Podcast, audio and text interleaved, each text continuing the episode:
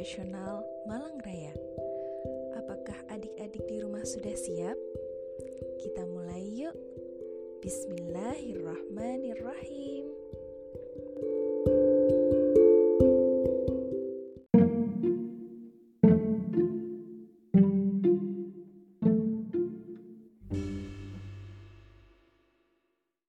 Assalamualaikum adik-adik, bagaimana? Masih semangat puasanya sampai hari ini? Sore hari ini bersama saya Kak Rizky dalam acara Raspberry, Ramadan Asik, Berkah dan Ceria Persembahan Ibu Profesional Malang Raya. Sore hari ini kakak akan membacakan buku 365 hari bersama Nabi Muhammad Sallallahu Alaihi Wasallam. Cerita Nur dan Damla Ilustrasi Osman Turham. Sudah siap semuanya? Kita mulai ya. Bismillahirrahmanirrahim. Hari pertama. Dia datang ke dunia. Saat itu bumi dihiasi bunga warna-warni. Burung-burung kecil, lalat-lalat mungil, dan semua jenis buah dan sayuran. Anak-anak berlarian gembira.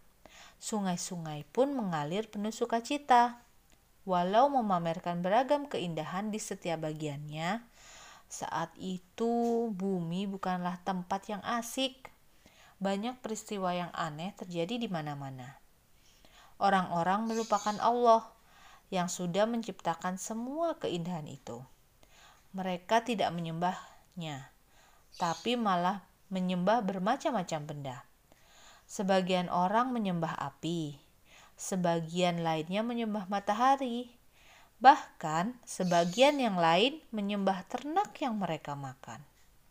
Mereka terbiasa meminta pertolongan pada benda-benda yang berbentuk seperti mainan yang mereka pahat sendiri dari kayu dan batu. Benda-benda tersebut disebut berhala. Namun, sebenarnya Allah lah yang menciptakan batu, api, dan kayu. Dia juga yang menciptakan ternak dan matahari. Allah lah yang seharusnya mereka sembah.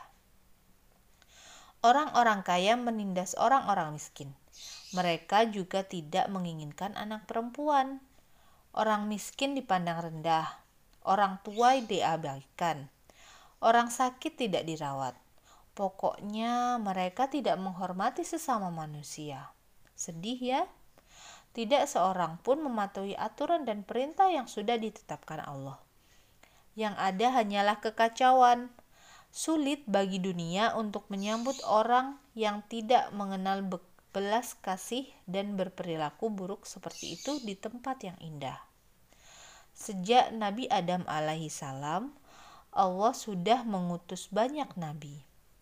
Para nabi itu mengajak kaum mereka untuk hanya menyembah Allah, mengikuti jalan yang lurus, berbuat baik, dan selalu jujur.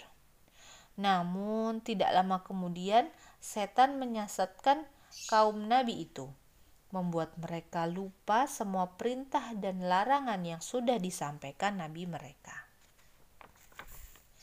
500 sudah berla 500 tahun sudah berlalu sejak kedatangan Nabi Isa alaihissalam dunia sudah siap menerima kedatangan nabi lain untuk menghentikan ketidakadilan, penindasan, dan kekejaman yang terjadi di mana-mana.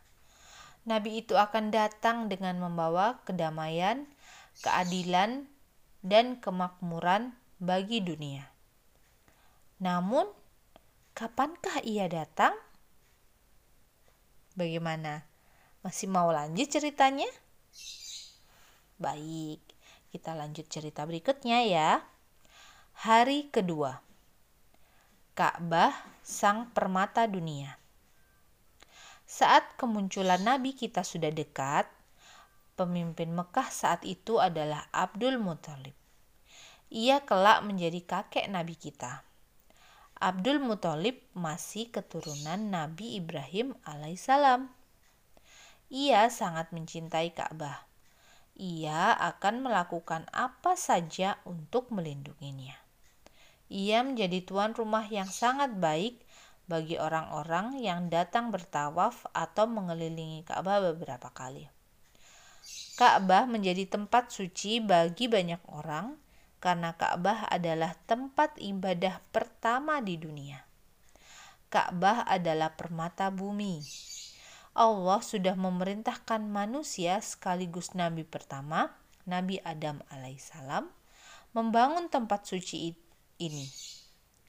Berabad-abad sudah berlalu dan dinding Ka'bah sudah runtuh.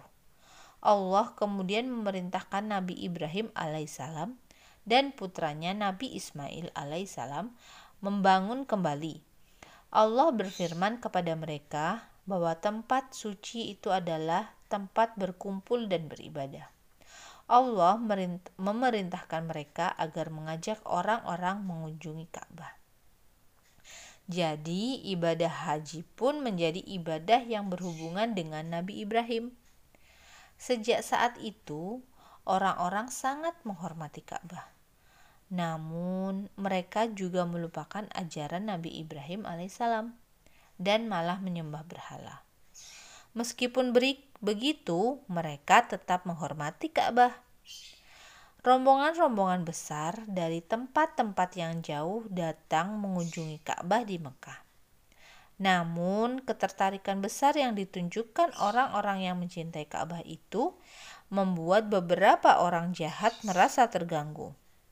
Di barisan paling depan orang yang membenci Ka'bah adalah Abraha, si penguasa Yaman.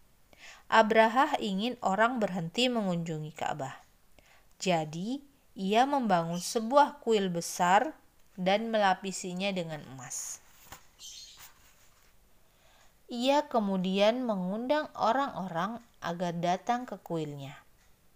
Ia ingin kuilnya bukan Ka'bah yang menjadi tempat suci dan pusat ibadah.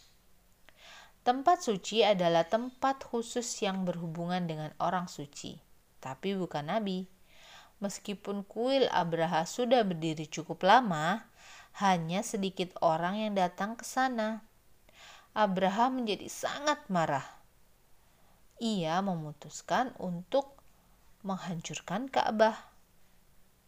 Ia pun memutuskan untuk menghancurkan Ka'bah dan ia kemudian mulai melakukan persiapannya. Sekian dari saya. Assalamualaikum warahmatullahi wabarakatuh.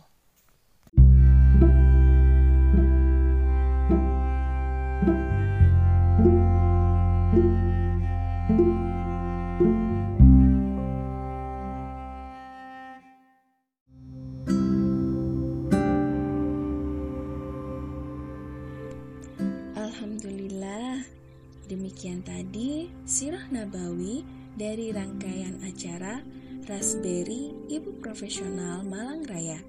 Semoga rangkaian acara Raspberry dapat menemani hari-hari adik-adik semua berkegiatan Ramadan dengan asik, berkah, dan ceria. Informasi lebih lanjut mengenai Raspberry dan kegiatan Ibu Profesional Malang Raya dapat disimak di akun resmi kami di Facebook dan Instagram at Ibu Profesional Malang Raya. Sampai jumpa di kegiatan Raspberry berikutnya ya. Terima kasih.